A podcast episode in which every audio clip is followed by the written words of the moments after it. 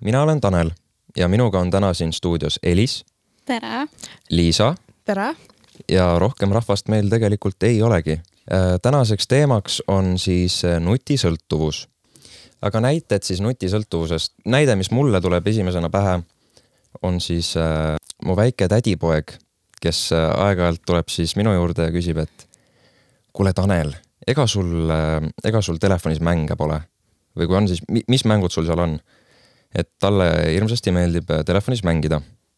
et kas teil on ka mõni sihuke näide tuua? jaa, mul on siis äh, väike õde ja ta istub suhteliselt palju arvutis.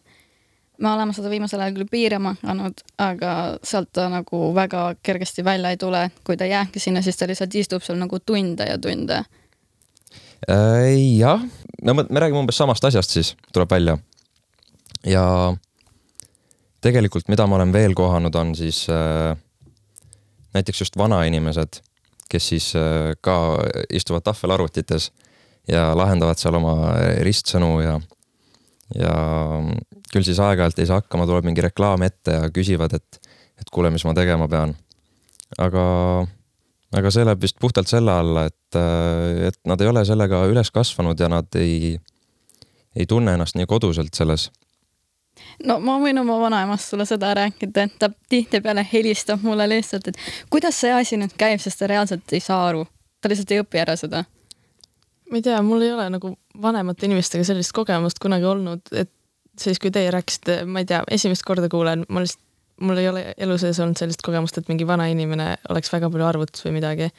nagu suuremas ajast ma kuulen ikka, et noh ma ei tea, minu enda vanaema, tal ei ole üldse arvutit ega midagi ja tal on nuputelefon, nii et. aga no. nagu nutiseadmed on tegelikult nagu suur osa meie igapäevaelust, et me kasutame neid kõiki nagu kogu aeg, kas helistamiseks, mängimiseks, milleks iganes.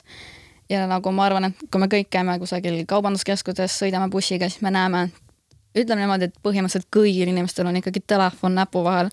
jaa äh,, eks paljudel olegi, aga kui, kui paljudel see nutisõltuvus siis ikkagi on? Et äh, mis ma mõtlen, on see, et see võib ka olla puhas juhus, et sa tõstad pilgu, vaatad kellegi poole ja, ja ta juhuslikult on telefoni kätte võtnud ja siis kas siis loeb mingit sõnumit, mis just tuli, äh, kavatseb helistada kellelegi, et ähm, kust maalt see siis nagu sõltuvus hakkab või kuidas me seda sõltuvust siis defineerime? mina defineeriks nutisõltuvust just niimoodi, et see on nagu nutiseadme liigne kasutamine, siis et sa ei kasuta seda ainult äh, kas vajalikeks asjadeks, kas siis mingi hinnete või õppimise vaatamiseks või reaalselt helistamiseks, kui sul on vaja midagi. et äh, ma arvan, et nutisõltuvus hakkab sealtmaalt, kus sa lihtsalt istudki päevad otsa, et tihtipeale nagu meil endil on ka kindlasti see, et õhtul mõtled, et paneks telefoni ära ja siis läheks magama, aga lõpuks sa nagu ikkagi avastad, et sa oled lihtsalt mingi kolm tundi scroll inud mingi Instagrami feed'i ja sa saad aru, et sa ei ole tegelikult mitte midagi kasulikku teinud. et selle asemel, et sa oleks võinud mingi käia kusagil pesemas või maganud või ja. üldse raamatut lugenud või üldse midagi muud? ei, ma ise mõtlesin ka, et kuidas ma seda siis defineeriks, aga, aga jah, sa ütlesid suht seda, mis ma sõnadesse ei osanud panna nüüd kindlasti läbi aegade on nagu nutisõltuvuse nagu, see on suurenenud, eriti nagu just noortemate seas, sellepärast et äh, järjest väiksemad lapsed saavad endale kogu aeg kas siis telefoni või tahvelarvuti. päris palju sa tegelikult näed bussis ja igal pool seda, et äh, need lapsed istuvad lihtsalt nina kinni seal telefonis ja mängivad mingit mängu, et kui ja. mina väike olin, siis ma arvan, et te võite ise ka öelda, et ma ootasin, kui ma lähen koolist koju, võib-olla sain mingi pool tundi arvutis mängida ja ülejäänud aja ma sõin liivakastis liiva.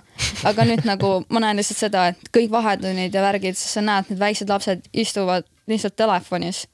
jah. ei, see on päris sihuke masendav, sest me isegi, me ei ole väga vanad, aga meie ikkagi, kui me olime väiksed, me ikka mängisime ja ma ei tea, kodus vaatasid no, mingi ühe multika ära ja siis mängisid edasi, aga praegu on tõesti esimese klassi lapsed, need on telefone niimoodi näos, et nagu nägu ei olegi näha reaalselt, no see on suhteliselt masendav. et tegelikult suht meie ajal oli ka veel see, et aa, õhtul kell seitse olidki multikad ja nagu tegelikult järelvaatamist minul kodus ei olnud, kui mina pisike olin. ja ma, ma pidingi olema kell seitse kodus, kui ma tahtsin midagi vaadata telekast või siis hommikul, kui ma hakkasin lasteaeda minema või midagi, siis vaatasin hommikul kell pool kuus mingi käsnakalat. ja aga nagu isegi siis, kui ma ei tea, mina näiteks esimese oma nutitelefoni sain, siis ma ei tea, mul vanemad kohe no see on sul siis kaasas, kui sa lähed kodust välja ja no kodus sul ei ole rohkem midagi vaadata sealt, vaata et kui sul ei ole kusagile helistada vaja ja kui sa oled mingi teise-kolmanda klassi laps, ega no väga ei ole vaja no,. teate, mina, mina olin õnnelik, kui ma sain ussimängu mängida ja ma olin nagu ekstra õnnelik, kui ma sain endale Lotte telefoni, sest see oli nagu nii nagu see oli nii moes asi tollel hetkel, kui me väiksed olime, ma ei olekski nagu osanud unistada seda, et mul peaks olema mingi reaalselt mingi suur iPhone ja ma olengi nagu nüüd sellepärast parem, sest mul on nagu mingi iPhone ja värki. ja, ja aga, aga ikkagi te mainite siis äh, seda, et, et te küll tarbisite vähem või olite vähem seal äh, nii-öelda nutimaailmas või seal mängumaailmas. aga, aga vanasti oligi konkreetselt inimesed äh, mängisid õues üksteisega ja ja mis ma öelda tahan, ongi see, et nutisõltuvus on siis äh,, ta ei ole niivõrd uus tegelikult, et äh, see väljund on muutunud, et äh, telefonid on lihtsalt arenenud ja seal on rohkem tegevust. aga eks ikka pikalt on saanud mänge mängida erinevatel, erinevatel seadmetel et jah, nagu viimastel ajal on tegelikult tulnud sihuke viimase kümne aasta jooksul, ütleme niimoodi, et ongi tulnud erinevad mingid teleka mingid paketid või asjad, et vaatad järgi ja saad ükskõik mis hetkel minna kuhugi Youtube'i, mängida mingit Robloksi, Fortnite'i, mida iganes. et sel ajal ei olnud tegelikult meil nii palju neid äh, arvutimänge ja asju, mis oleks tänapäevased, et lihtsalt arvutid ei suutnud nagu, need ei olnud võimelised sealt välja mäng, mängima. jah ja., mis ma ise nagu enda, enda kohta oskan öelda nutisõltuvuse kohta on see, et, et mina isiklikult ei leia, et ma oleks nutisõltlane samas see võib nagu tunduda nii pealt vaadates, aga ma ei tunne, et ma nagu vajan seda või ma olen selles kinni. et ma nagu tunnen justkui, et kui ma tahan, siis ma panen selle ära, aga samas, samas ma ei näe, et ma peaksin tõestama seda, et ma saan selle ära panna. siis. et tegelikult ma ise ka endale ei märka, et ma peaksin nüüd istuma nagu nina kinni telefonis, et ma suudan ilma selleta hakkama saada, kui vaja, et kui mul ongi vaja mingi raamatut lugeda näiteks kooli jaoks või midagi, siis ma suudan seda teha, ma suudan selle telefoni ära panna. Aga on ikka juhuseid olnud, kus ma lihtsalt leian, et kuule, ma olen nüüd mingi kaks tundi lihtsalt scroll inud, et äh, kuule, natuke pahasti on. Mul kõik asjad tegemata, aga ma suudan sellega hakkama saada, kui vaja. Ma ei tea, mul on natukene, natuke kehvemad lood, et mul, ma päris tihti ikka panen tähele, et no telefon on lihtsalt näpus ja ma mitte midagi tarka ei tee. aga no see võime on veel säilinud, et no kui on vaja midagi ära teha, siis ma panen ikkagi telefoni ära ja teen ära selle. kõike on võimalik parandada. jah, jah ja, ja nüüd, kui me oleme siin äh, sellest nutisõltuvusest nüüd nagu rääkinud juba, et äh, tegelikult nutisõltuvus ei ole ainus sõltuvus, mis noorte seas on levimas. Et on ka igasuguseid äh, asju, et küll siis nikotiin, alkohol, halvematel juhtudel isegi narkootilised ained. et mul isiklikult on näiteks kofeiinisõltuvus, et ei lähe mööda ühtegi päeva, kui ma ei jooks siis näiteks Beliefi või Red Bulli või siis konkreetselt kohvi kas te olete ka selles nii-öelda ringis kinni, et olete nagu kinni jäänud kuhugi? ja kindlasti selles mõttes, et ma tarbin normaalsusest äh, natuke rohkem igasuguseid äh, ka nagu kofeiini, et äh, Red Bull ja kohvi ja kõik vitamiinvelid ja kõik, mis need siuksed asjad on. aga ma arvan, et see kaasneb sellepärast, et kui me õpime nüüd nagu gümnaasiumis, siis sa lihtsalt ei jõua muidu üleval püsida, sest sul on päris palju ja. tööd ja asju teha. ja, ja ma täitsa nõustun sellega, et see nagu ergutab natukene, stimuleerib natukene ja see vahel on seda vaja, aga mis ma tunnen, ongi see, et ähm, ma tarbin isegi siis, kui mul seda otseselt vaja ei ole mm. -hmm. ehk siis see ongi sõltuvus, et ma vajan seda isegi siis, kui ma ei vaja seda aga kui nüüd rääkida natuke hullematest sõltuvustest, äh, kui mitte ainult kofeiin siis äh, on igasugused nagu mõnuained, ehk siis nagu Tanel juba mainis, kõik narkootikumid, alkohol, nikotiin. et äh, isiklikult ma arvan, et äh, kõik igasugused mõnuained on äh, läinud väga kergelt levima tänapäeval igal pool linnas ja sest ja. need on noortele nii hästi kättesaadav, see on lihtsasti kättesaadav. ja ma täitsa nõustun sellega, et äh, miks, miks igasugused sõltuvused tekivad, ongi siis äh, see, et et äh, inimesed ikka on ju uudishimulikud, et aegade algusest saadik muidu me poleks äh, siia jõudnudki. et keegi paraku pidi tundma huvi, et ei tea, kas see mari on söödav ja siis äh, ka see uudishimu on tänapäevani alles jäänud ja inimesed siis äh, tahavadki uudistada, et oota, aga mis asi see täpsemalt siis on, et ma tahan ka proovida. aga see proovimine ei jää just alati proovimiseks ja sealt tekibki sõltuvus, ma arvan et... ma ei ole nii täpselt uurinud ja süvenenud sellesse, aga ma arvan, et see on see, kuidas see töötab. Et äh, noorte seas ma võin öelda, et äh, kindlasti see ka, et äh, mis seltskonnas sa ringi liigud, sest kui sul ongi seltskond, kes ei ole just kõige paremate kommatega, ütleme niimoodi, siis äh, sa võidki arvata, et see ongi lahe ja sa proovidki ja sa hakkadki tegema ja lõpuks sa avastad, et sa oled lihtsalt sõltuvuses ja sul on vaja abi. ja, ja eks ähm, ja me jõuamegi tegelikult nüüd siia, et me oleme see inimene, mis, mis seltskond meid ümbritseb mm. -hmm ma arvan, et me kõik oleme tänaval igasugustes bussipeatustes, parkides näinud igasuguseid äh, mõju all olevaid inimesi, kes räuskavad, kaklevad, magavad kusagil pargipingil, et selles mõttes on tegelikult igasugusest nagu kõikides riikides, et see ei ole ainult Eestis ja, ja. ja ma arvan, et tegelikult see on suur probleem, mida saaks kuidagi kindlasti parandada ja seda peakski parandama. aga sellega lihtsalt, see tuleb lihtsalt kätte võtta ja seda tulebki tegema hakata, muidu see lihtsalt ei parane. jah, ja, ja no õnneks, õnneks nutisõltuvus ei ole veel äh, sinna arenenud. Äh, nutisõltuvus on siis, äh, ütleme, et ta on sihuke süütu sõltuvus, pealtnäha ta, ta nagu ei tee midagi halba, et sa istud aga oma telefonis ja, ja scroll'id, scroll'id Instagramis ja kõik on nagu hästi. aga mis toimub su ajus, on näiteks see, et äh, aju hakkab siis välja andma dopamiini, mis on siis sihuke heaolu, heaoluaine ja siis äh, sa lihtsalt äh, rikud oma, oma seda süsteemi ära sellega, et sa, sa nagu tekitad endas selle rahulolutunde sellega, et sa ei ole otseselt midagi teinud ja siis tihtilugu tekibki motivatsioonipuudus ja masendus näiteks. ei no see nutisõltuvus on jah, sihuke võrdlemisi selline no kerge sõltuvus tõesti, kui nende mõnuainete kuritarvitamisega võrrelda, aga siiski no need tagajärjed võivad olla no, no siiski päris hullud, eriti noorte lastega. see, see võib täiesti käest ära minna. see ei pruugi olla küll nii füüsiliselt äh, kahjulik, aga see on siiski päris nagu hull. mina vaidleks siinkohal vastu, et äh, pikas plaanis tegelikult ikkagi on. et äh, kõik silmad ja kõik ikka läheb nagu nässu, näiteks rüht rüht ju ka, inimesed ju kasvavad küüru sellepärast, et nad on harjunud vaatama niimoodi ette ja alla oma telefonidesse. No alguses sa ei pruugi midagi üldse nagu avastada, et sul midagi halvasti on, aga see tekib lihtsalt ajapikku, et äh, kindlasti sul see reaktsioonikiirus äh, halveneb ja hästi palju noorte seas kantakse viimasel ajal prille. no kindlasti on tehtud selle jaoks need äh, sinise valguse prillid, mis kaitsevad nagu su silmi selle sinise kiirguse eest, mis tuleb arvutist või telefonist et see on kindlasti hea, aga et äh, kindlasti teevad paljud inimesed seda niimoodi, et nad täiesti üldse ei tea, et see võib olla kahjulik, et mitte ainult noored, et ka siis vanemad inimesed lähevad magama et panevad telefoni laadima kas siis pea või nagu köökapi peale või põrandale ja nad täiesti üldse ei olegi teadlikud, et see kiirgus võib olla inimesele kahjulik, sest see võib tekitada siis igasugust ajuvähki ja.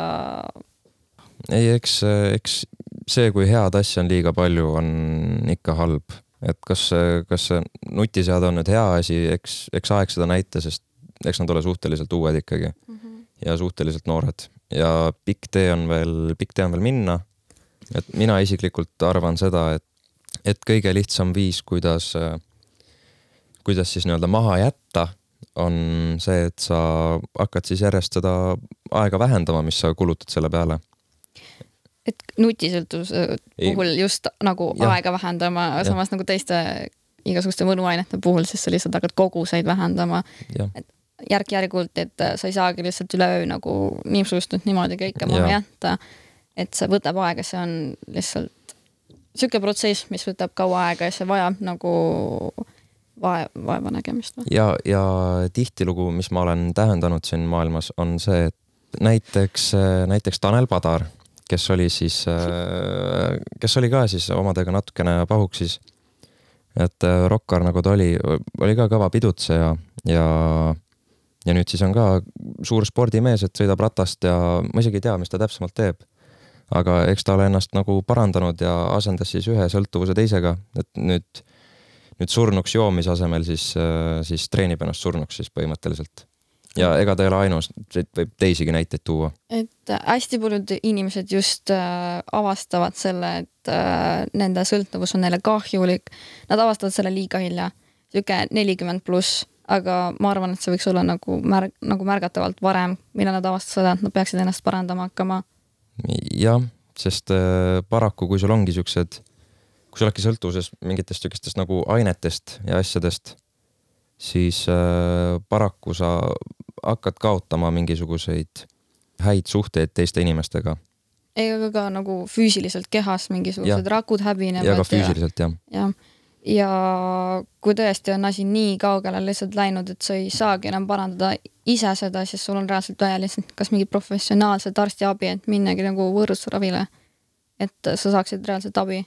aga no see ka tihti ei toimi, sest et kui sa oled, no ütleme mingi kakskümmend aastat seda, no sul on olnud see sõltuvus, ega see ei lähe mingi paarikümne päevaga mitte kusagile. et see on ka niisugune vaeva, vaevanõudev, et kui inimesed arvavadki reaalselt, see on nii raske oma sõltuvustest nagu lahti saada, siis äh, mina ütleks selle peale, et see tegelikult ei ole võimatu, et kõik on võimalik. Jaa. Aga see on siiski, see sa on ei, sa ei pruugi näha seda valgust tunneli lõpus, aga see tegelikult on seal olemas.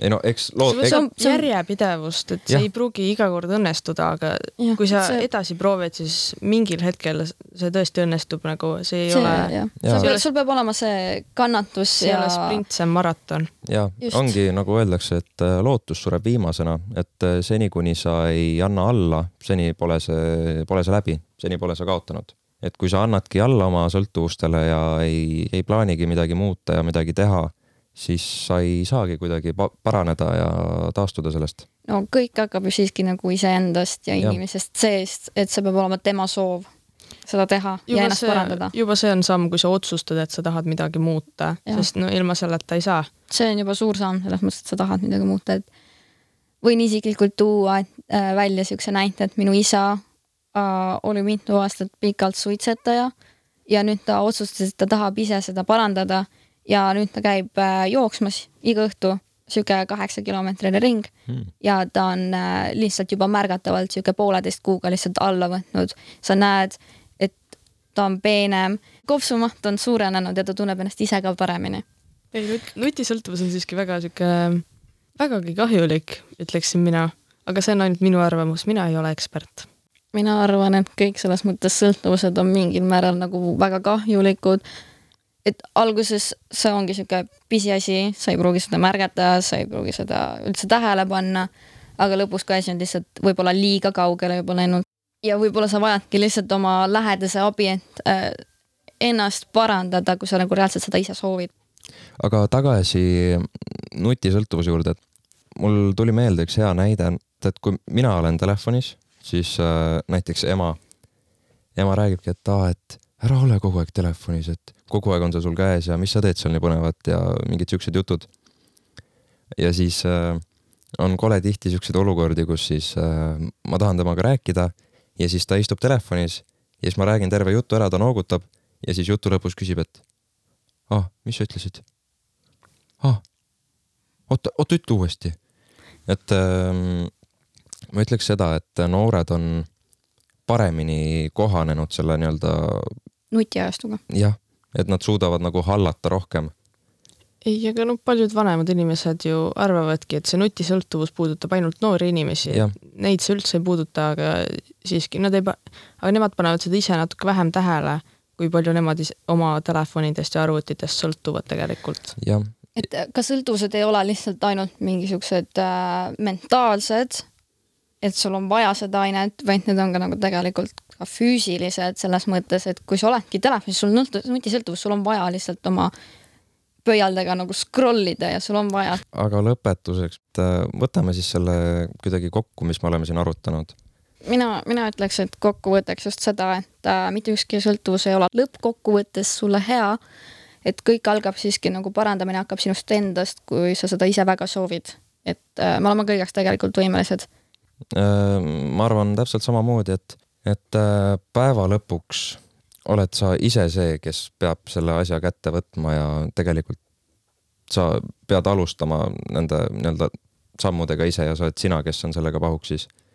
kõik on selles mõttes meie iseenda teha. jah, kõik on enda teha. ei no ei olegi vahet, et mis sõltuvuses sa oled, sa pead endale Jah. teadvustama, et sul on see sõltuvus ja et sa soovid ennast parandada ja ai- ainult sealt sa saadki edasi minna. Jah, ja loodetavasti edasi minna siis äh, professionaalset abi pakkuma. et äh, muidugi otsest sihukest ravi ja seda ei ole. aga, aga nad räägivad ilmselt targemat juttu kui meie siin. et äh, hästi paljud inimesed ka, kes on nagu ise juba ennast parandanud, nad ongi hakanud siis nagu nendeks influencer iteks, noh, suunamudjateks. räägivad enda kogemustest ja üritavad ikkagi teisi aidata, aga noh, eelmine aasta siin käis igal pool koolides ringi nagu Sass Henno, et äh, ta ka tutvustas noortele, mis asjad need on ja üldse mm. niimoodi, et hästi paljud inimesed on, räägivad hästi palju oma kogemustest mm. -hmm. ja üritavad teid teadvustada, et teie just sellesse puntrasse siis ei satuks. ja aga no ongi see, et kui ma ei tea, natuke tuntumad inimesed räägivad ja siis sa saad nii-öelda nagu relate ida, sa ei tunne ennast selles enda probleemis nii üksinda ja siis see võib ka sind motiveerida ennast parandama. jah Jah. ja., teadvusta endale oma, oma probleemi, oma sõltuvust. Ära tunne ennast üksi, sa ei ole kindlasti üksi, kes kannatab mingite selliste sääraste asjade käes. ja me oleme kõik üksteisele toeks Jah. alati. Mhm. ja otsi professionaalset abi, et kui, kui on vaja professionaalset abi, et äh, Jah. igal juhul ei ole vaja. aga okay.. kõige kindlam on ikkagi küsida ekspertide käest. et sealt te saate kindlasti õiget abi niimoodi nagu peab ja nemad teavad kõige täpsemalt. jah, ja täpsema jutu kui meilt siin selles äh, podcast'is äh,. oli tore ja teile siis, teiega jutustasid siin siis äh, Tanel, Elis ja Liisa, aitäh kuulamast. ja ilusat päeva jätku! olge muhedad tere, meie oleme siin äh, oma ringhäälinguga Kairo ja Kallimad ja täna me räägime küberahistamisest. Kas palun mu kaaslased võiksid ennast tutvustada? tere, mina olen Esmeralda ja mina käin üheksandas klassis. tere, mina olen Hänn ja mina käin ka üheksandas klassis. mina olen Kaire ja ma käin kaheteistkümnes klassis. ning äh, mina olen Dana ja ma olen samuti abiturient ja teema on meil siis küberahistamine. enne kui me kaugemale lähme, me peaks seda veidi defineerima. meie peame küberahistamise alla äh, igasugust kiusamist ja seksuaalselt äh, provotseerimist või saama van- tahtmatuid pilte, mis tulevad äh, läbi sotsiaalmeediaplatvormide või üldse digitaalselt saadetakse inimestele. miks te arvate, et see teema on äh, endiselt oluline? näiteks, kas meil on siin üks personaalne lugu? jah, mulle aasta aega tagasi kirjutas Instagrami esimest korda mingi suhkreme konto. Ja siis ma muidugi naljaga hakkasin talle mingit jura vastu kirjutama. Heade enda lõbustuseks ja pärast seda hakkasid nad mulle rohkem kirjutama ja järjest rohkem ma vastasin neile kuna mul oli endal väga naljakas, kuidas ma mõtlesin neile mingeid suvalisi lugusid välja ja lihtsalt nagu kiusasin neid. Aga lõpuks oli see, mida rohkem ma neile vastasin, seda rohkem nad ka kirjutasid mulle. Ja lõpuks mul oli juba mingi viis tükki päevas ja see hakkas juba mu igapäevaelu segama, nii et lõpuks ma pidin selle konto kasutamise lõpetama, kuna ma lähedal ei saanud seda kasutada enam, kui mulle kogu aeg mingeid suhkremeid kirjutasid. Ja kahjuks see on äh, väga aktuaalne probleem ja isegi kui see võib tunduda absurdne, kui sa seda vaatad sotsiaalmeedias, siis kui nad tulevad sulle liiga tihti või palju ligi, see ei ole enam okei okay. ja isegi kui nad ei tee midagi, mis tundub otseselt nii ohtlik, näiteks ähvardavad sinu äh, pilte jagada, siis see on endiselt, võib su tervisele vastu minna. ma arvan, et äh, see teema kuigi kõik teavad, et see probleem eksisteerib, siis sellest ei räägita piisavalt tihti. mis on üks põhjuseid, miks me arvame, et äh, me peaks sellest täna rääkima. Ma räägin, mis meil edasi hakkab toimuma. meil tuleb äh, siis üks eksperdi intervjuu ja pärast me koos analüüsime seda. me oleme nüüd siin stuudio Maia Klaasseniga, kes on meil meediaekspert. kuidas teil läheb? tere, tere, kuule päris hästi läheb, sain tulla toredate noortega jutustama. alustan sellest küsimusest, et äh, kuidas te hindaksite küberahistamise probleemi suurust E- Eestis võrreldes teiste riikidega? Alustame kõige lihtsamast kohe, eks ole. no tegelikult muidugi ju seda mõõdetakse päris paljudes üle-euroopalistes uuringutes, aga kui me räägime ka küberahistamisest, siis sinna alla võib kuuluda palju eri asju, eks ole. sinna alla võib kuuluda kiusamine kaaslaste poolt, eks ole, sinna alla võib kuuluda seksuaalne ahistamine, nudede edasisaatmine, et see on nagu väga-väga lai mõiste. aga kui ma peaks kõhutunde järgi ütlema, et kui see suur kontseptsioon küberahistamine tervikuna võtta, siis ma arvan, et äh, meie Eesti netikasutajad väga ei erine teiste riikide omadest, aga meil on väga head äh, võimalused selle probleemiga tegeleda, kui see tekib, näiteks tänu veebipolitseinikele. ja tänu sellele, et meil on veebipolitseinikud, on meil äkki natukene paremini kui riikides, kus neid ei ole. aitäh, see seostub väga hästi meie järgmise küsimusena, et äh, kas te arvate, et need veebipolitseinikud või küberahistamise karistused Eestis peaks muutuma rangemaks või hetkel on hästi? no veebipolitseinikud ise kahjuks ei saa lambist rangemaks muutuda, saavad tegutseda ainult seaduste alusel, et nende ülesanne ei ole ju mitte öelda, kas seadus on hea või halb, vaid nende ülesanne on vaadata, et seadusi järgitaks. kindlasti on Eesti seadusruumis ruumi, et saaks natukene täpsemini kõiki neid asju fikseerida. et näiteks kui me mõtleme ka sellele, et kui mis, missugune küberahistamine on lihtsalt nõme ja taunitav, nagu näiteks kiusamine, eks ole mm, -hmm. millega tegelevad koolis ju ikkagi sotsiaalpedagoogid ja õpetajad, aga mitte politseinikud. ja siis, kui me mõtleme teisele äärmusele, kus küberahistamine on näiteks ahistav jälitamine, eks ole, või et keegi üritab, näiteks ekspeika teab sul mingeid paroole, eks ole, ja üritab sul sotsiaalmeediakontosid nagu üle võtta. et siis see on nagu koht, kus saab politsei juba rohkem aidata, aga no mida ta ei saa teha, ta ei saa sinu eest paroole ära muuta. Nad saavad loomulikult ebaseaduslikke jälitusseadmeid eemaldada, aga nad ei saa mitte kuidagi tegeleda sellega, kui näiteks noh inimene ei pöördu politseisse, siis neil ei ole võimalik sekkuda, mis tähendab seda, et meil on tegelikult vaja kahte asja, meil on vaja selgemaid seadusi, et politsei, veebipolitsei saaks paremini tööd teha. ja meil on vaja ka inimestelt rohkem julgust pöörduda, sest kui sa kuhugi ei kaeba, siis keegi ei saa lihtsalt aidata sind. ja aitäh, see on väga oluline punkt ning tõesti, kuigi meil seadused saaks alati paremad olla, siis ma ütleks ka, et Eestis on pigem üritatakse tegeleda vähemalt. milliste vahenditega saaks küberahistamist ennetada, kas seda üldse saakski? No kuna te räägite ikkagi ülikooli inimesega, siis mõistagi minu vastus on haridusega. ehk siis äh, me ei saa ennetada midagi, mida kõik inimesed ei mõista ja siin ma kusjuures ei räägi üldse mitte ainult noortest, vaid näiteks, kas kõik õpetajad saavad aru, millega tegu on. või et äh, näiteks, kui see küberahistamine võtab mingisugusel platvormil kuju, mida võib-olla õpetajad ei mõista, näiteks mingid meemid, millest nad ei saa aru, on ju. et siis kuidas sa nagu seletad ära inimesele, et see tegelikult on kiusamine.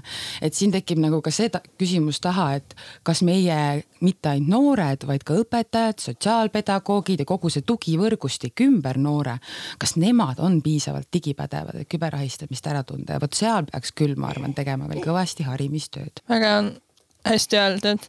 mida te arvate, peaks tegema ohvrina, kui ta on juba langenud sellisesse olukorda? No kõigepealt loomulikult ei saa ohvrile mitte keegi peale ohvri enda öelda, mida edasi teha, et üks kohutav asi selle küberahistamise juures on ju see tunne, et äh, sinult nagu võetakse ära kontroll, kas sinu siis nii-öelda online või offline elu üle. mis tähendab, et äh, ohvri jaoks esimene oluline hetk ongi nüüd tunda, et seal, kus ta otsustab, mida edasi teha nüüd on jälle tema käes kontroll. nüüd, kui me mõtleme edasi, siis mina ütleksin, et sellist asja oma peas lahendada ja läbi elada ei ole lihtne. nii et äh, kui tegemist ei ole just raudmehe või superkangelasega, siis tõenäoliselt ikkagi peab leidma kellegi, kellelegi rääkida. ja vabalt võibki kohe ette öelda, et kuule, ma ei taha sult praegu mitte mingisugust vastust kuulda, ma pean lihtsalt korra selle endast välja saama. ja, ja siis, kui oled valmis kuulama, mida teised arvavad, loodetavasti sa julged minna oma vanema juurde, aga kui mitte, no kõik kõigil on mingi täiskasvanu, keda saab ju usaldada ikkagi või keda vähemalt saab noh peaaegu usaldada. ja üks väga hea variant on ikka see, et veebipolitseinikele saab kirjutada Messengeris ja nemad, nemad on nagu, nad ei hakka kohe midagi, eks ole, kiusama selles mõttes sellega, et helistavad ise vanematele või midagi, vaid nad räägivad alguses rahulikult ja täiesti okei okay ongi neilt ka näiteks nõu küsida. et kui ma ei taha, ütleme oma emale või isale rääkida, on ju, et kellele ma võiks veel rääkida või et kui ma kardan, et kiusamine läheb hullemaks, kui ma kellelegi räägin, et siis äkki veebipolitseinikul on häid nippe, kuidas vähemalt siis enda esialgne turvalisus jälle kindlustada, nii et peab rääkima, kõigepealt peab rääkima kellelegi, keda usaldad, siis peab rääkima kellelegi, kes saab sind aidata. Mida saaksid teha kõrvalseisjad või institutsioonid selliste olukordade parandamiseks? Kindlasti sekkuda, sekkuda, sekkuda, sekkuda. et äh, kui me mõtleme kõikidele maailma õudustele, siis see saab alati alguse sellest, et mingid head inimesed lihtsalt keeravad oma pilgu ära. ja väga kurb näide on ju meil tegelikult Eestis nüüd olemas ka hiljuti uudistest, kus oli, eks ole, Pärnus äh, siis vägivallajuhtumeid, mitu tükki lausa ja mitu videot. aga mis hakkas siis toimuma, oli see, et äh, justkui tekkis mingi sihuke rahva organiseeritud omakaitse, täiskasvanud inimesed toksisid neid, eks toksimine tähendab siis seda, et sa paned kellegi päris nime, eks ole, internetti. toksisid mm -hmm. neid vägivaldseid noori, nende vanemaid ja kui sa läksid ja vaatasid sinna kontodele, no seal oli läinud tõsine massipsühhoos lahti, mingi viissada inimest soovitasid neil ennast ära tappa internetis. ja seal oli väga selgelt, eks ole, juures ka see element, et täiskasvanud nagu aitasid kaasa, kes peaks olema eeskujuks ja kes peaksid olema need, kelle järgi me nagu reastume. et ähm, ma arvan, et meil on kõigil selles mõttes korralikult arenguruumi siin veel ja eriti me peaksime õppima natukene rohkem empaatiliselt mõtlema ka sellele, et kui me näiteks üritame sellises olukorras olukorras aidata äh, küberkiusamise või siis ütleme, see oli, eks ole, päriselu kiusamine, mis sattus ka videomaterjalina mm -hmm. internetti. et sa üritad aidata ja jagada selleks, et saada kätte pahalasi, aga ohvri nägu on seal täiesti selgelt näha, järjest rohkemad ja rohkemad inimesed näevad seda. see näitab ikkagi, et me ei oska väga hästi tagajärgedele veel mõelda selliste teemadega. ja see on väga aktuaalne näide, aitäh ning äh, ma nõustun, et kuigi inimesed peaks seda halvasti mõistma, siis ei ole nende süü, nende koht minna massina kallale, kui nad isegi ei tea kõiki detaile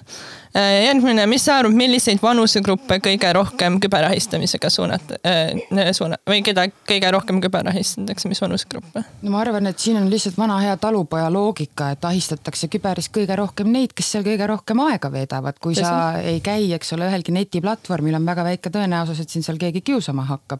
kui sa veedad päevas kaksteist tundi online'is, nagu öeldakse, tegijatel juhtub, mida rohkem autoga sõidad, seda suurem on tõenäosus, et ühel hetkel jookseb näiteks mingi loom tee peale, on ju et see on paratamatu tõenäosusteooria. ja kuna me teame, et Eestis ikkagi on noored kõige rohkem online'is, samuti on seal noh, natuke teistsugune suhtluskultuur taga, eks ole, et kuidas näiteks kolmekümneaastased suhtlevad netis ja ka ikkagi veel julgevad helistada inimestele. Versus kuidas on paljudel noortel, ma ei tea, seal on taga -hmm. nagu erinevad suhtluskultuurid ka, et küsimus ei ole ainult selles, kes on kõige suuremas ohus selles mõttes, et tõenäosuse mõttes, vaid keda see kõige rohkem mõjutab. et kui su vanaema käib mm -hmm. korra kuus internetis internetis ja keegi on talle Delfi kommentaarile vastanud, et sa oled lollpea, siis tõenäoliselt, kui ta kuu hiljem seda näeb, siis ta ei ole väga mõjutatud sellest. Versus kui sa oled iga päev kogu aeg netis ja saad uuesti, uuesti, uuesti, uuesti, uuesti. jah, väga oluline idee, aitäh äh, millised on hullemad äh, tagajärjed, äh, milleni digitaalne ahistamine võib viia? Oh, muidugi hullemad tagajärjed on see, et kellelgi kaob ära tahtmine üldse siin maailmas enam eksisteerida ja vahet ei ole, kas ta selle tahtmisega midagi edasi teeb või mitte, kui sa juba tunned, et sind kiusatakse nii väga, et sa nagu ei näe mingisugust head võimalikku varianti, kuidas see lõpeks, on ju, siis see ongi ju kõige hullem võimalik tagajärg. et sellest oleks pigem nagu raske välja tulla, sellepärast või? absoluutselt ja mõtleme näiteks ka inimestele, kui te mõtlete, ma ei tea, Elu24-s ilmuvatele mingisugustele piltidele influkatest või artiklitele, kuidas nemad räägivad räägivad, kuidas see nende vaimset tervist mõjutab. Pole põhjust kahtlustada, et tavalist inimest see kuidagi vähem mõjutaks, on ju. et see on ikkagi masendav, see on äh, õudne ja sellepärast ongi oluline ikkagi mitte loota, et läheb ise üle, vaid tegutseda, et see võimalikult lühiajalisena hoida, see trauma iseendale. Enda eest hoolitsemiseks on oluline midagi ette võtta, kasvõi sellega, et otsid abi kelleltki targemalt. täpselt mm. -hmm, aitäh, äh, vaadates tulevikku, kas te arvate, et ohvrite arv on pigem tõusmas või langemas? Nojah, see on niisugune kahe otsaga asi, et ühtepidi me teeme järjest rohkem teavitustööd, on järjest rohkem programme, kiusamisvabad koolid, asjad, on järjest rohkem kohtukaasusi selle kohta, kui keegi paljaid pilte levitab, et nagu piirid lähevad selgemaks. teistpidi me oleme järjest rohkem oma seadmetes, ehk siis äh, see on nagu täiesti sõltub sellest, mis võidab, kas võidab see, et me hakkame aina rohkem killustuma erinevatele platvormidele. mida rohkem, eks ole, noh, ma ei tea, näiteks kui praegu need Pirillid asjad võtta, ega seal ei ei ole veel ju veebipolitseinikke kohal, on ju. et kas see siis, et me killustume rohkem, kas see tähendab, et automaatselt asjad lähevad hullemaks või siis ikkagi see tähendab lihtsalt, et meil hakkab olema palju rohkem koolitusi, kus me sellest räägime, kuidas me räägime ka sellest, kuidas ennast kaitsta. ja kuidas kõike seda võimalikku paha ikkagi pigem ära hoida, on ju. ja kui ei saa ära hoida, siis mis juhtub, kui halvim on juba käes ja on vaja asjaga tegelema hakata. jah, ei kindlasti, ega see ei ole mingi, mis üleöö läheks paremaks või tunduvalt halvemaks, aga loodetavasti tähelepanu aitab vähemalt osasid ja see on juba parem kui mitte midagi. no ja vaata, avatud rääkimine ka ikkagi, et, et selles mõttes ega tegelikult ju ei ole nii, et äh, kiusamine midagi uut on, mida nõukogude ajal ei eksisteerinud, on ju, aga suhtumine on muutunud, et tule ja. räägi, seda taunitakse selgelt. kujutate ette, et veel viiskümmend aastat tagasi räägiti koolides nagu siukse jutu peale, et aga tugevamad ongi need, kes jäävad umbes ellu ja looduslik valik on ju, et selliseid asju või selliseid siukseid stereotüüpe, et kiusatav peab ise saama tugevaks kuidagi, seda enam ei eksisteeri ja see on tegelikult ju suur samm edasi. õnneks see mingi mis iganes sotsiaalne tarbimism on kaugemal. Õnneks. Ja väga tore milline sotsiaalmeedia platvorm on kõige populaarsem ohvrite leidmiseks, sest ma olen kindel nagu, et äh, neid platvorme on ikka mitu tükki ma arvan, et kui me mõtleme nüüd äh, ohvritest äh, tähenduses, siis see kõlab veits nagu seksuaalsest ahistamisest räägiks, on ju, räägime või? pigem sinna suunas. okei okay,, no et siis loogika on see, et näiteks kui me mõtleme täiskasvanud inimestele, kes käivad lapsi otsimas, siis nende loogika ongi väga lihtne, nad lähevad sinna, kus lapsed on, striimide alla, chat idesse, eks ole, lähevad sinna, kus on mängudes võimalik suhelda. loomulikult vana hea TikTok, väga hea koht, Snapchat, kus on võimalik põhimõtteliselt teeselda ükskõik mis vanust tegelikult, kui sa, eks ole, kasutad kellegi teise pilte või mm. ei tee nagu endast pilte. et eh, kahjuks või õnneks ongi nii, et et ka need, kes tahavad paha, tulevad kindlasti sinna, kus teie olete. aga see ei tähenda, et mingi üks või teine platvorm on tingimata iseenesest halb. see tähendab lihtsalt, see on sarnane asi, et kui sa jätad oma auto ukse lahti, eks ole, ja keegi tuleb ja röövib selle auto ära, siis see ju tegelikkuses ei tähenda mitte seda, et kogu tänav ei olegi mitte kunagi turvaline olnud, vaid et tuli üks inimene, kes kasutas seda ära lihtsalt, eks ole, üks halb inimene mm -hmm. leidis üles lihtsalt õige koha. et see on kahjuks või õnneks rohkem ikkagi ka seotud sellega, et sa saad vältida rohkem enda käitumisega kui platvormi valikuga mm. -hmm. ei, kuigi me kindlasti nõustume, et sa ei saa label ida ühte äh, äh, seda platvormi paremaks või halvemaks otseselt, sest ma arvan, et seal on endiselt veidi vahe ning küsiks, et äh, milline meedia on teie arust kõige turvalisem äh, näiteks väiksematele koolilastele kasutamiseks? Oh jah, see on ka raske küsimus, sest et tegelikult igal pool võib ju keegi teeselda kedagi, keda ta ei ole. kui palju te ise olete näinud kasvõi Xbox'is ju mingid täiesti täiskasvanud mehed vaat sõimavad teisi lihtsalt. et, et selles mõttes mina ütleksin hoopis, et ärge mõelge nii, et mingi platvorm on turvaline või ebaturvaline, vaid mõelge hoopis niimoodi, et kui on kuskil pahalane, siis mina kavatsen seda igatahes testida või vältida nii. näiteks täiesti võõla, võõrale inimesele, kes endale minust ei saada pilte, ma ei saada vastu mm -hmm.. ülilihtne väikene põhimõte põhimõte, kuidas kindlaks teha, kellega sa tegelikult suhtled. ja ikkagi, et äh, mitte unustada, et äh, on ju ka võimalik, et võib-olla mõni sõber teeb nalja ja värki on ju ja nii palju fake account'e asju on igal pool.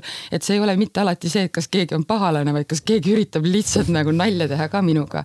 et äh, siis ma arvan, et see on talupojatarkus, mis meid hoiab tegelikult platvormidel tervena, kõigil mhm. on see olemas vahel lihtsalt läheb võib-olla meelest ära. ja tõsi, et probleem ei ole või valik platvormist ei sõltu, vaid pigem sellest, kuidas sa käitud seal või kui palju sa tead Neil on vanusepiirang ka peal, et tegelikult väiksemad lapsed nagu ei tohiks nagu kõikidel. kahjuks kõik ei jälgi. ei tööta see absoluutselt ja ma pean ausalt tunnistama, et mina teismelisena kunagi tegin ka oma väikestele õdedele Facebooki kontosid, kus sa peaks ka teoreetiliselt kaheksateist olema, et ma arvan, et see vanusepiirang on nagu tore, aga kõik saavad nüüdseks ju aru, et see päriselt ei hoia kedagi eemal. ja minu arust ei peakski hoidma, et küsimus ei ole mitte selles, et kas keegi on, eks ole, piisavalt küps mõnda platvormi kasutama, vaid küsimus on selles, kas sa oled näiteks piisavalt küps seal platvormil endale netisõpru otsima see on nagu täiesti eraldi asjad minu arust. Äh, kuidas oleks võimalik tõsta teadlikkust küberahistamise teemadel no koolinoortest? Ma arvan, et juba praegu tehakse seda päris hästi igasuguste teavituskampaaniatega ja samamoodi, miks mitte, eks ole, Sass Henno koolis käimine võib-olla kõikidele õppisidele ei meeldi, aga tegelikult avab jälle mingeid uusi tahke päriselust, on ju. ja, ja väga oluline osa on ka see, et arvestage, et igal pool on õpetajad ja erinevad programmid valmis välja töötama mingeid abimaterjale, aga kui noored ise ei räägi, et näete, me ei viitsi enam praegu kuulata selle Tiktoki juttu, räägime palun sellest või sellest platvormist. või et kui teil on nagu endal mingid konkreetsed jooksvad jooksvad mured, ei saa ju eeldada, et kõik täiskasvanud teavad, mis need on. ehk siis, kui te tahate, et tõuseks noorte teadlikkus sellest, mida te tahate, nagu tahaks ise teada, siis te peate ka vaatama, et täiskasvanud teavad, mida teie veebis teete, mis on teie rõõmud internetis või ükskõik millistel platvormidel ja mis on teie mured. ja siis me saame neid kõik koos jällegi teadlikkuse tõstmisega hakata lahendama jah, väga hästi öeldud jälle ning äh, viimase kokkuvõtteks äh, siis, kuhu soovitaksite esmalt pöörduda, kui sind või su lähedasi digitaalselt ahistatakse? Mina väga usun veebipolitseinikesse, nüüdseks on neid ju terve posu, et ei ole enam ainult kaks üksikut, vaid igas maakonnas on oma veebipolitseinik. Ja mina soovitaksin esimese asjana kirjutada sinna juba sellepärast, et äh, ma ei tea, kas te teadsite seda, aga kui asjad peaksid kunagi minema selleni, et näiteks on alust kaevata kohtusse oma ahistaja, siis Messengeris kirjutatud asjad loevad tõendusmaterjalina. seetõttu on nagu väga hea, kui sul sellest on jälg maas, et sa oled kellegagi rääkinud, sest äkki sul on kunagi hiljem vaja seda tõestada. Või näiteks kui keegi ütleb, miks sa midagi ei teinud, väga lihtne, receipts out, vaata, tegin, on ju. et äh, mina soovitaksin igatahes neile kirjutada ja ka juba sellepärast, et äh, võib-olla meie koolides ei ole kõik sellega kokku puutunud, aga veebipolitseinikel see on töö, nad puutuvad igapäevaselt sellega kokku ja neil on kindlasti asjakohaseid soovitusi. aga kui ma ei eksi, siis saab lasteabilt ka abi küsida? absoluutselt. jah, täpselt ja. lasteabi telefonil saab helistada ja saab ka saata, on ju, kas meili või neil oli mingi vorm isegi kuskil kodulehel vahel. jah, igatahes sa ei ole üksinda ja abi on olemas, aga suured tänud tulemast meile. ja oleme tagasi stuudios peale intervjuud. Ähm, ma arvan, et äh, Maia rääkis äh, väga oluliselt, äh, puudutas teemasid, mis on tähtsad, näiteks Eestis on veebipolitseinikud, kes saavad küll veidi aidata ning äh, ma arvan, et äh, seda ressurssi võiks isegi rohkem kasutada, sest isegi mina näiteks ei teadnud väga hästi, kuidas või kust, aga neile on võimalik kirjutada läbi näiteks Messengeri ja täiesti jätavad su anonüümseks, kui on mingi probleem, nii et ära karda rääkida oma asjadest. mis teie arvate näiteks, äh, kas äh, veebipolitseinikud või lasteabi on piisavalt äh, tuntud ressurss ning kas seda peaks kuidagi rohkem reklaamima? seda peaks natuke rohkem ikkagi reklaamima. ja ma nõustun, sest ja muidugi see ei ole ainult teadmustusest inimestel, nagu ka intervjuust välja tuli võib olla raske tunnistada, et nad on kas langenud ohvriks või nad tunnevad iseennast kuidagi süüdi. et äh, mis te soovitaksite sellistele inimestele? ma arvan, et äh, nad peaksid muidugi kedagi ei saa sundida rääkida ja see on väga raske teema. aga see on oluline, kuna isegi kui sa arvad, et sa oled ise sellest üle saanud ja ma olen väga rõõmus, kui sa oled, siis needsamad isikud, kes sind võisid ahistada, võivad minna ja teha liiga nüüd uutele noortele ja kergemini mõjutatavatele isikutele. kui sinuga midagi juhtus või sa nägid midagi, mis kellegi teisega juhtus, siis palun andke sellest teada. ning äh, mul on näiteks mu üks lähedane sõber, tema paljud pildid avaldati sotsiaalmeedias ning äh, kahjuks ta alguses ei julgenud sellest teada anda ja päris mitu inimest said, aga kui ta lõpuks seda reportis, siis sai nii sotsiaalmeedias need ära kustutatud kui ka sellel isikul, kes jagas, tekkis probleeme, nii et see võib olla hirmutav, aga mida varem sa julged teada anda probleemist, siis seda kergemini võib jõuda selleni lahenduseni. kas on veel midagi soovitusi lisada teil? Et äh, ärge kartke nagu, sest te, te, te tegelikult pole üksi ja teie pole ainuke inimene, kellega selline, sellis- või sellised mured on või ringlevad. sellega me täna lõpetame, aitäh. meie oleme Meedialaagri noored ning te olete tulnud kuulama meie podcasti. meie podcast on siis teemal, mis on väga aktuaalne olnud juba päris pikka aega me räägime siis täna sotsiaalmeediast ja sellest, kuidas see kujundab siis avalikku arvamust. ja ma ei ole siin ilmselgelt üksi, vaid minuga on siin koos Heidi. tere! ja Täheke. tere äh,! aga öelge siis paari sõnaga, et äh, kuidas te tunnete üldse, et meedia ja sotsiaalmeedia ja kõik see infovool mõjutab teie elu? Ma arvan, et äh, see mõjutab päris palju minu elu, sest et igalt poolt tuleb seda infot ja teiste arvamusi ja siis see on ja ma arvan, et ma äh, mõjutun päris kergesti teiste arvamusest. kas sa tunned, et see igapäevane suur infovool nagu on kuidagi kurnav ka sinu jaoks või? ja seda tuleb päris palju, siis väsitab suht ära okei okay., no mul on sama seis. Täheke, kas oskate enda kohta kommenteerida?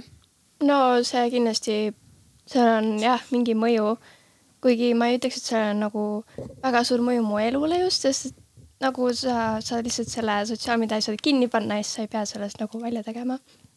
aga kui seal on nii palju infot ja siis see kindlasti nagu mingit moodi kindlasti mõjutab mm. -hmm. jah ja, et mul on sama seis ja ma arvan, et tegelikult selle, kui sa paned oma telefoni kinni, et tegelikult sellega sa ennast ei päästa, et äh, igalt poolt ikkagi tuleb seda infot nii palju ja sa nagu noh, kuidagi ikka sa tead, et äh, näiteks kasvõi kui see kuninganna Elizabeth suri, et äh, ma ei jälginud sellel hetkel nagu üldse meediat, aga ma sain ikkagi teada yeah. klassigrupi kaudu yeah. ja noh, ikkagi sa saad seda infot nii palju ja seda mm -hmm no sa ikkagi kuuled neid asju, kasvõi koolis õpetajad räägivad, onju.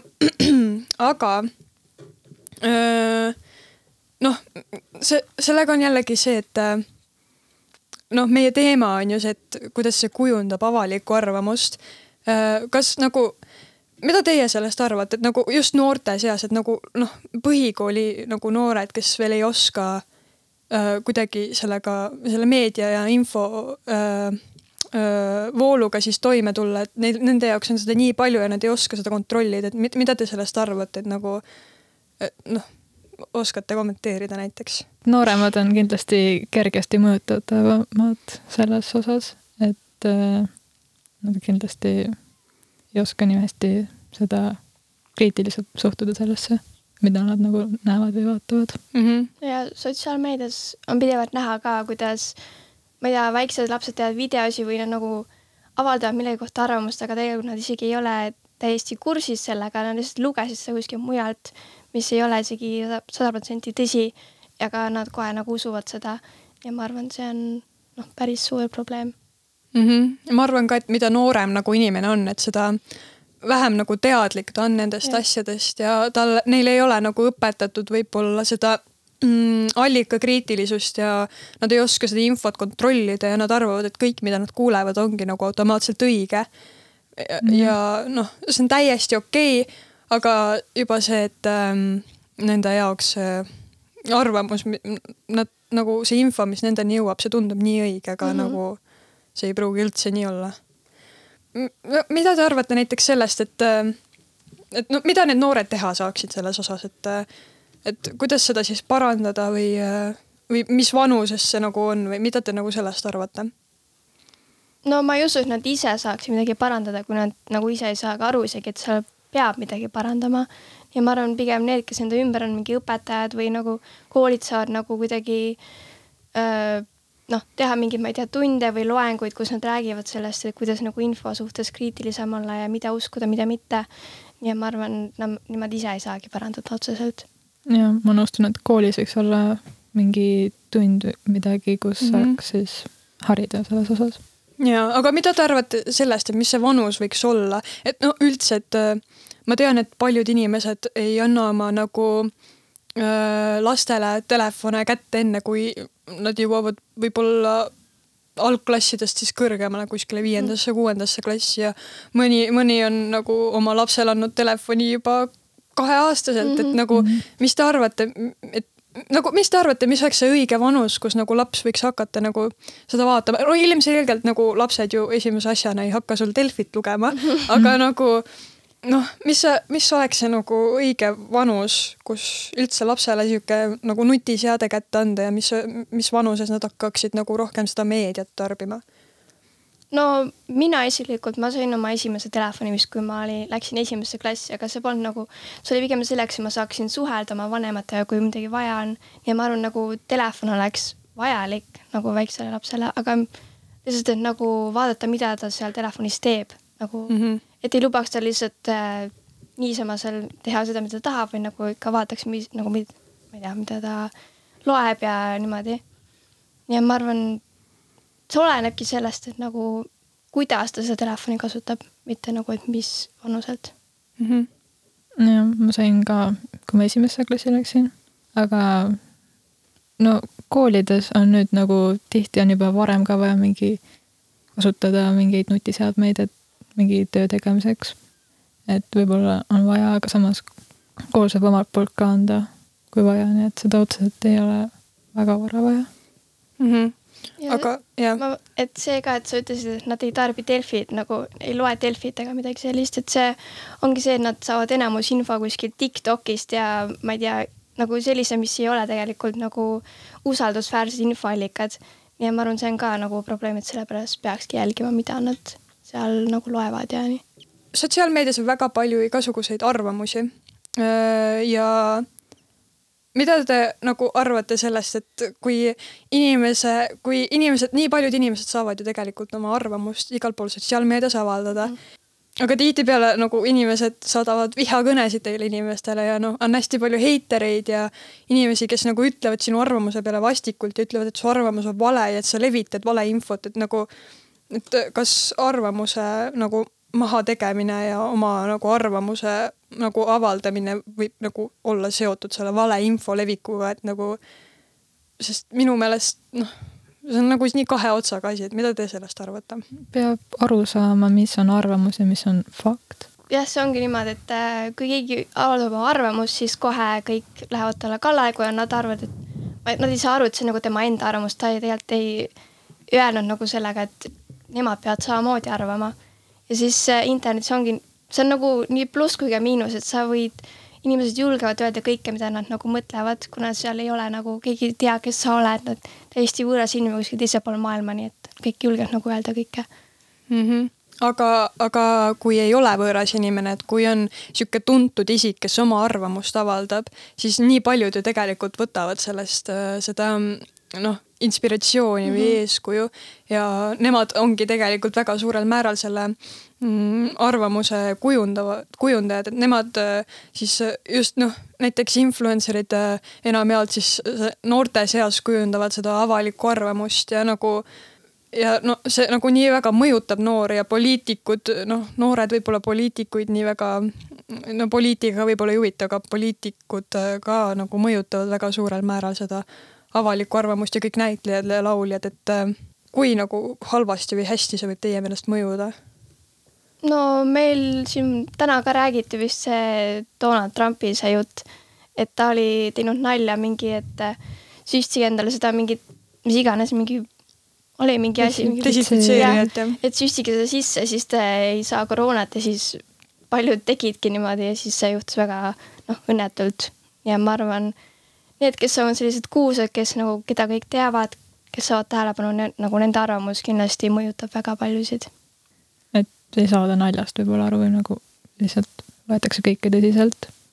ja, et äh, ma leian ka, et tegelikult siuksed tuntud inimesed võib-olla peaksid oma arvamuse avaldamisega olema väga-väga nagu eriliselt äh, kriitilised ja ettevaatlikud, et äh, neil on suurem jälgijaskond ja nagu nende ütlemised võivad nagu seda mõjutada nii palju, et, äh, et nad peaksid olema kindlasti kriitilisemad, et muidugi sotsiaalmeedias nagu iga jumala inimene levitab oma sõna ja nagu mingi Madis kolmandast klassist ja siis mingi äh, Katrin kuskilt ülikoolist, et nagu kõigi need arvamused on seal, aga nagu need ei jõua nii mhm. kaugele võib-olla, aga kui sul on nagu suur vaatajaskond, siis kindlasti minu meelest peaks olema nagu selles osas kriitilisem, et mida sa välja ütled ja kindlasti su arva-, sa pead põhjendama ar oma arvamust faktidega ja see võiks siis kehtida tegelikult ka igale ühe, ühele ja ka just need tuntud inimesed, et nad peavad olema minu hinnangul väga-väga kriitilised selles, mida nad räägivad siis. aga miks see nagu avaliku arvamuse kujunemine on nagu üldse teie meelest hea või nagu miks, miks seda vaja on ja kes seda teie meelest kõige rohkem siis edasi levitavad? No sotsiaalmeedias levitavadki kõik, ma arvan, oma arvamust mingil moel ja et kõigil on nagu enda arvamus internetis ja nagu niimoodi mina leian, et äh, see on väga oluline selleks, et äh, info kiiresti leviks, et mm. et noh, oli just see juhtum Pärnu peksmisest, on ju. et ma arvan, et kui need suva, see suvaline grupp, keda siis keegi ei tunne üle Eesti, et kui nad ei oleks nagu filminud ja seda kuidagi nagu levitama saatnud, siis ega sellest ei olekski väga palju rohkem infot, et, et see, et, et see on kindlasti nagu väga nagu hea, et iga inimene saab nagu sotsiaalmeedias siis seda oma arvamust avaldada mm., et, et see on mingis mõttes väga hea, aga jällegi sellel on omad halvad küljed, et et võib-olla alati igast neid lollusi ei peaks siis välja ütlema. ja ma arvan, et kui igalühel on nagu enda arvamus ja nad saavad seda avaldada, siis tulebki nagu erinevaid vaatenurki mingitest kindlatest nagu olukordadest või nagu juhtumitest. et äh, siis ei olegi nagu, et üks kindel nagu selline tee, vaid seal on nagu erinevad noh, viisid, kuidas äh, asju lahendada mm. -hmm. aga mul on üks teema, millest ma nagu väga rääkida tahan. Äh, Karenid ja Facebooki no. emmed äh, et äh, nende arvamused on tihti siuksed väga emotsionaalsed ja nad loobivad väga halvustavaid asju tihti teiste pihta. et kuidas te ise seda kogenud olete, kas te oskate mõnda näidet tuua näiteks? no ma kindlasti olen nagu näinud seda ja Facebookis pidevalt komment-, mingi kommentaarides nad halvustavad üksteist ja tegelikult nende selle jutu taga polegi nagu mingit mõtet, eriti lihtsalt nagu tahaks mingi viha välja ajada. aga mul mingi kindlat näidet ei tule praegu pähe. ma pole eriti kursis selle Facebooki emmede väga mulle, mulle ja. meeldib, et ma olen nagu nii palju näinud seal, et nad noh, nad võtavad tõesti mingist täiesti väiksest juhtumisest nagu kinni. ja siis nad teevad sellest nii suure draama ja siis seal kommentaarides on alati neid inimesi, kes on kahe jalaga maa peal ja teadvustavad endale, et see ei ole suur probleem, et su laps nagu ma ei tea kehalise tunnis vihma kätte jäi või mm -hmm. nagu on inimesi, kes on nagu kahe jalaga maa peal ja siis on need teised emmed, kes, kes siis võib-olla on siis äh, sama probleemi küüsis ja siis äh, on seal ühtselt koos ja teevad siis näiteks mingit koolisüsteemi maha. et äh, see on, seda on nii nagu naljakas lugeda minu jaoks, et, et nagu see on nii väike probleem ja see on nagu see, see ei ole nagu, see on sinu probleem. paisutatud hästi suureks nagu. jah, et nagu seda ei ole võib-olla vaja sinna Facebooki postitada, sest noh, siuksed vihakõned siiski ju mõjutavad äh, väga nagu jällegi seda avalikku arvamust ja kui sa nagu nagu, kui sa nagu vihakõnena ja nagu nii emotsionaalselt väljendad oma arvamust mm -hmm. mingi asjaga ja nagu sa ei ole kahe jalaga nagu maa peal ja nagu ja sul ei ole ka seda teist poolt või noh, noh, ongi näiteks, et kui mingi emme teeb seal jubedalt maha seda, et lapsed õues vihma käes kekatunnis jooksevad, siis äh, sul ei ole seda kehalise õpetaja arvamust või sul ei ole seda lapse arvamust mm, -hmm. et sa ei tea nagu teiste inimeste vaatenurka kunagi, et et need vihakõne, kõned on nagu kõige siuksem asi, mida minu, minu meelest nagu neid ei tohiks nagu väga tõsiselt võtta ja mina võtangi neid tegelikult enda jaoks siukse meelelahutusena yeah., et mm. tore on lugeda neid. ja neid ei saagi, neid ei saagi kuidagi tõsiselt võtta, kui nad niimoodi nagu seda avaldavad.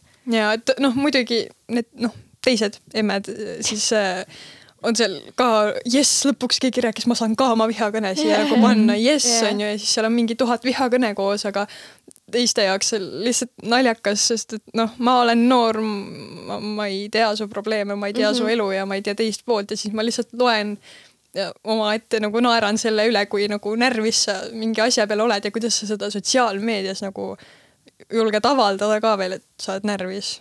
tihtipeale veel mingite roppsõnadega ka mm, -hmm. et mhm. see on päris nagu naljakas, kuidas täiskasvanud inimesed siis ei oska oma arvamust viisakalt ja nagu ratsionaalselt avaldada? see on veel see, et äh, kui sa rääkisid, et need teised emmed nagu leiavad, et oh, lõpuks on ju, keegi nõustub minuga, siis see ongi ka see, et äh, sotsiaalmeedias sul tuleb ette just nagu kõik see info, mis, millega sina nõustud, mis sulle meeldib, sest see algoritm kuidagi noh, jälgib kõike, mis sa teed. nii et äh, sotsiaalmeedias sa kogu aeg arvadki, et sinul on õigus, sinu arvamus on see, mis on nagu ainus õige. kuna sul kogu aeg pidevalt tuleb ette neid postitusi ja teisi inimesi, kes arvavad samamoodi nagu sina, siis sul nagu tekibki selline nagu kinnine kuidagi arvamus, et äh, sul on nagu selline tunne, et kogu maailm nõustubki mm -hmm, sinuga, vaata. jah, et, et see on nagu see, mida mina ka olen nagu kohanud ja siis, kui sa kohtad kuidagi kuskil midagi, mis ei ole nagu, mis ei ole selle algoritmiga seotud, ehk siis mingit teistsugust arvamust mm, -hmm. siis sa oled nagu mingi, sa ei nõustugi kogu yeah. maailmaga või yeah.. et kogu maailm ju teab seda, kogu maailm ju on nagu samas paadis, kus mina, et, et kuidas sa julged teist arvamust omada mm. -hmm et, et tihtipeale jah, ja siis tekibki nagu see diskrimineerimine ja see arvamuste mahategemine, et see on see noh, paraku on nii ja noh, see on nagu tõesti väga sihuke keeruline asi ja nagu selle, selle ma ei, ma ei kujuta ette, kuidas nagu need asjad nagu tulevikus välja näevad, et kui juba praegu on nagu nii suured probleemid selle sotsiaalmeediaga ja nende arvamustega ja selle algoritmi ja kõige nagu sellega, et ma ei näe nagu, kuidas see tulevikus peaks olema mm. -hmm. et ma, ma ei, ma ei kujuta ette ka, mis konfliktid võivad tekkida. et äh, see on nagu päris jube mõelda mm. -hmm. ja ma olen, ma olen ise ka internetis näinud nagu mitte ainult need äh, Facebooki emmed, ma olen näinud ka nooremaid, kes nagu nad kuidagi ei tee reaalsusel ja siis internetil vahet. et nagu nad teevad väikestes asjades probleemi kogu aeg, siis nad nagu you are cancelled, cancelled on ju. mingi igasuguse väikese asja pärast ju kogu aeg tahavad, et kõik vabandaksid millegi eest nagu, mis ei ole isegi tegelikult nii suur probleem. jah, nõustun täielikult. -hmm. aga noh, kas, kas teid on, kas, kas te olete nagu iseenda nagu igapäevaelus kohanud seda, et teie arvamust on kuidagi maha tehtud või te olete näinud, et kellegi teise arvamust on maha tehtud või kuidas te nagu ise kogete seda, et, et kõik, kõigil on ju sama arvamus, et kuidas sul teistsugune arvamus on? ma ei tea, ma nagu ei avalda enda arvamust võib-olla nii, kuna ma olen suht vaikne, siis ma väga ei avalda enda arvamust niimoodi, et paljud teaksid seda ja siis väga ei tule see jutuks või nagu ei tule välja see, kuidas nad, keegi teine suhtuks. minu arvamusi on küll maha tehtud internetis mitu korda. nagu ma ise, ma ei ütleks, et ma oleks nagu otseselt maha teinud, aga ma lihtsalt üritan nagu selgitada, miks mina arvan teistmoodi. nagu, et ma ei hakka kohe maha tegema, vaid ma üritan nagu noh, nagu selgitada enda vaatenurka, miks ma seda arvan, miks ma nii arvan ja siis noh, tihti nad ei saa aru aga ma arvan, see on parem kui see, et sa hakkad kohe maha tegema teiste arvamusi. jah, ja väga mõistlik, ma leian ka, et tuleb nagu väga selge peaga ja väga nagu no selgelt öelda, mis on sinu nagu soovid ja mm -hmm. et, et sa ei soovi midagi halba võib-olla, et see on lihtsalt see arvamus, mis sul on nagu tekkinud ja, ja nii on ja nagu teised peavad lihtsalt leppima sellega mm, -hmm. et, et sa ei mm, -hmm et sa ei saa lihtsalt nagu heitida ja maha teha, et äh, nii need asjad lihtsalt ei käi, kuigi seda on nii tohutult palju tänapäeval. et, äh, et see on suht sihuke, see on nii keeruline teema, aga noh, ma loodan, et ikkagi enamus inim, inimkonnast saab aru, et noh, et kõigil on oma arvamus ja sellega peab arvestama ja lihtsalt ei ole nagu tegelikult üldse mõtet nagu oma aega ka raisata niimoodi, nagu need Facebooki emmed teevad seda, et neil on päevad läbi vabad aega, vaba aega ja siis nad lihtsalt äh, kirjutavadki neid sõimukirju nii palju, kui jaksavad kokku. Äh, aga kui kriitilised te ise nagu olete selle kohta, mida te tarbite ja et kui väga te lasete en-, endas seda avalikku arvamust kujundada, et et kas te nagu kontrollite seda infot ja kui keegi on oma arvamuse mingi fakti põhjal öelnud, kas te siis nagu kohe nõustute või kas te nagu pigem nagu hakkate nagu seda mm, uurimust tegema, et, et kas nagu see fakt on tõene ja kas tema fakti põhjal järeldatud arvamus on nagu ka nagu põhjendatud? ma pigem enne uuriksin, kas fakt on õige ja siis vaatan, mis ma arvan sellest ise mm. -hmm. ja sama siin, ma, ma kindlasti ei hakka kohe nõustuma, ma pigem, kui ma näen mingit, ma ei tea, mingi suur uudis, mingi konflikt või midagi, siis ma kindlasti loen enne see nagu kuskilt mujalt selle kohta, mis mis ma arvan, et on nagu usaldusväärsem, kus nagu saada infot ja siis äh,, ja siis alles läheb sealt edasi. Mida mina enda kohta oskan öelda, on see, et äh, noh, mul on nagu nii hea näide on TikTok, ma võin seal passida terve päeva, kui mul aega on. ja nagu tihtipeale on see, sa näed mingit TikTok'i ja TikTokides on alati kas nagu ülipositiivsed või ülinegatiivsed nagu need mm. kommentaarid. ja siis tavaliselt ongi see, ma vaatan seda TikTok'i ja mul tekib seal nagu mingi oma arvamus, et ma näen, et inimene, inimene nagu teeb mingit imelikku asja ja nagu mingi noh, üli noh, TikTok, mis nagu ma olen nagu ülikindel, et nagu, et noh, see ei, nagu ei ole äge ja nagu, et seal on nagu kommentaariumis on jube palju mingit heiti ja siis ma vaatan kommentaariumi, aga kõik inimesed ütlevad, et oi kui äge mm -hmm. ja siis mul on nagu see tunne, et nad on nagu nii fake'id või võib-olla, võib-olla nad päriselt arvavadki, et see on äge, aga noh, on nagu väga sarnaseid videoid, kus nagu on see arvamus hoopis teine mm. -hmm. et mhm. nagu seal on nagu see ka, et inimesed arv, nagu arvavad võib-olla sisimas midagi muud, aga nad kommenteerivad nagu midagi head, et ja. ennast nagu paremini näidata. ja ma olen ka näinud seda jah. et ah, ma ei charge'i, ma ütlen midagi ilusat mm, -hmm. aga tegelikult mm -hmm. ma näen küll, et see on nagu, et see ei ole äge, mida see inimene teeb. et äh, väga palju on see, et äh, inimesed nagu väga valesti või nagu kas just valesti, noh, võib-olla neil ongi nagu sihuke arvamus, aga noh, mulle tundub, et nad on seal mõned väga, nagu väga fake'id. kahepalgelised kuidagi. ja, ja nagu noh, ma olen vahepeal ise ka selline, et et äh, saadan võib-olla mõnele nagu sõbrale Tiktoki, et olen nagu mingi joo, vaata seda, nii imelik, aga siis võib-olla nagu mõtlen, et kui ma peaksin kommenteerima siia alla, siis ilmselt ma teeks midagi positiivset mm, -hmm. et nagu mm, -hmm. et, et äh, see on nagu kõige parem näide, mis ma oskan tuua ja ühtlasi on ka see, et kui sa vaatad Tiktoke, siis äh, ja sa scroll'id seal ja nagu sa näed neid Tiktoke, siis sul nagu kõigepealt sul tekib see oma arvamus mm -hmm. ja siis saavad kommentaarid mm -hmm. yeah. ja siis nagu sealt tuleb võib-olla mingit infot, mida noh mida sa ei osanud ette kujutada, näiteks äh, see inimene tegev, tegeleb mingite siivutute asjadega, siis sa oled mingi, aga ta ei näe sihuke välja, nagu sa saad sealt kommentaaridest juba mingit muud infot ja siis ongi nagu iseasi juba see, et kas sa seda infot kontrollid või ei. Tiktokis ma ei näe nagu väga pointi seal info mhm. kontrollimisel, ma unustan kahe minuti jooksul nagu ära, mhm. mis Tiktoki ma nagu kaks minutit tagasi vaatasin, aga noh, äh, kui juba nagu meedias rohkem olla, siis äh, on äh, väga oluline minu meelest, et sa nagu võib-olla paremini jälgid seda, eriti uudiste puhul, et peab olema allikakriitiline ja, ja mm. -hmm. kas teil on endal veel mõni näide tekkinud näiteks? ma, ma pidevalt nagu äh, ma ei saa eriti aru sellest, sest nagu mulle tundub nagu internetis nagu räägitakse ühte asja ja siis nagu tehakse midagi muud, näiteks see, et kõik nagu, et, et aa, kõik on nagu omamoodi ilusad, on ju, nagu aktsepteerime kõike, ärme tee maha. ja siis äh, ja siis, kui keegi postitab ennast, kus ta on nagu enesekindel, nagu näitab, et vau wow,, I love myself on ju, siis kommentaaris kõik nagu, et nagu siuksed nagu oh, nagu ma ei tea, siuksed hästi passiivsed, agressiivsed kommentaarid on seal kogu aeg, nii et ma ei, nagu ei saa aru, et nagu miks sa siis räägid ühte asja ja siis sa tegelikult teed hoopis teist asja.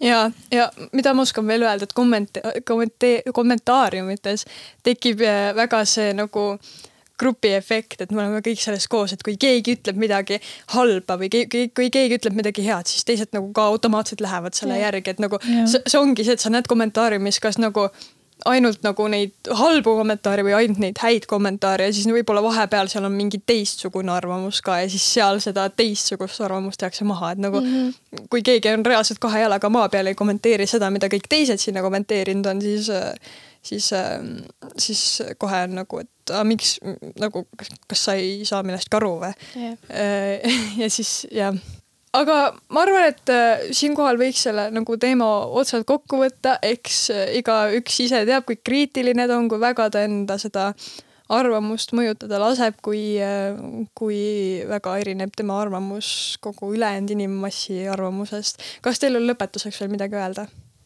ei ole mitte mingit arvamust ei ole arvamust. jah, mul ka ei ole arvamust, et et äh, eks igaüks äh, ise kujundab seda ja kellel ei ole, siis äh, tal ei ole.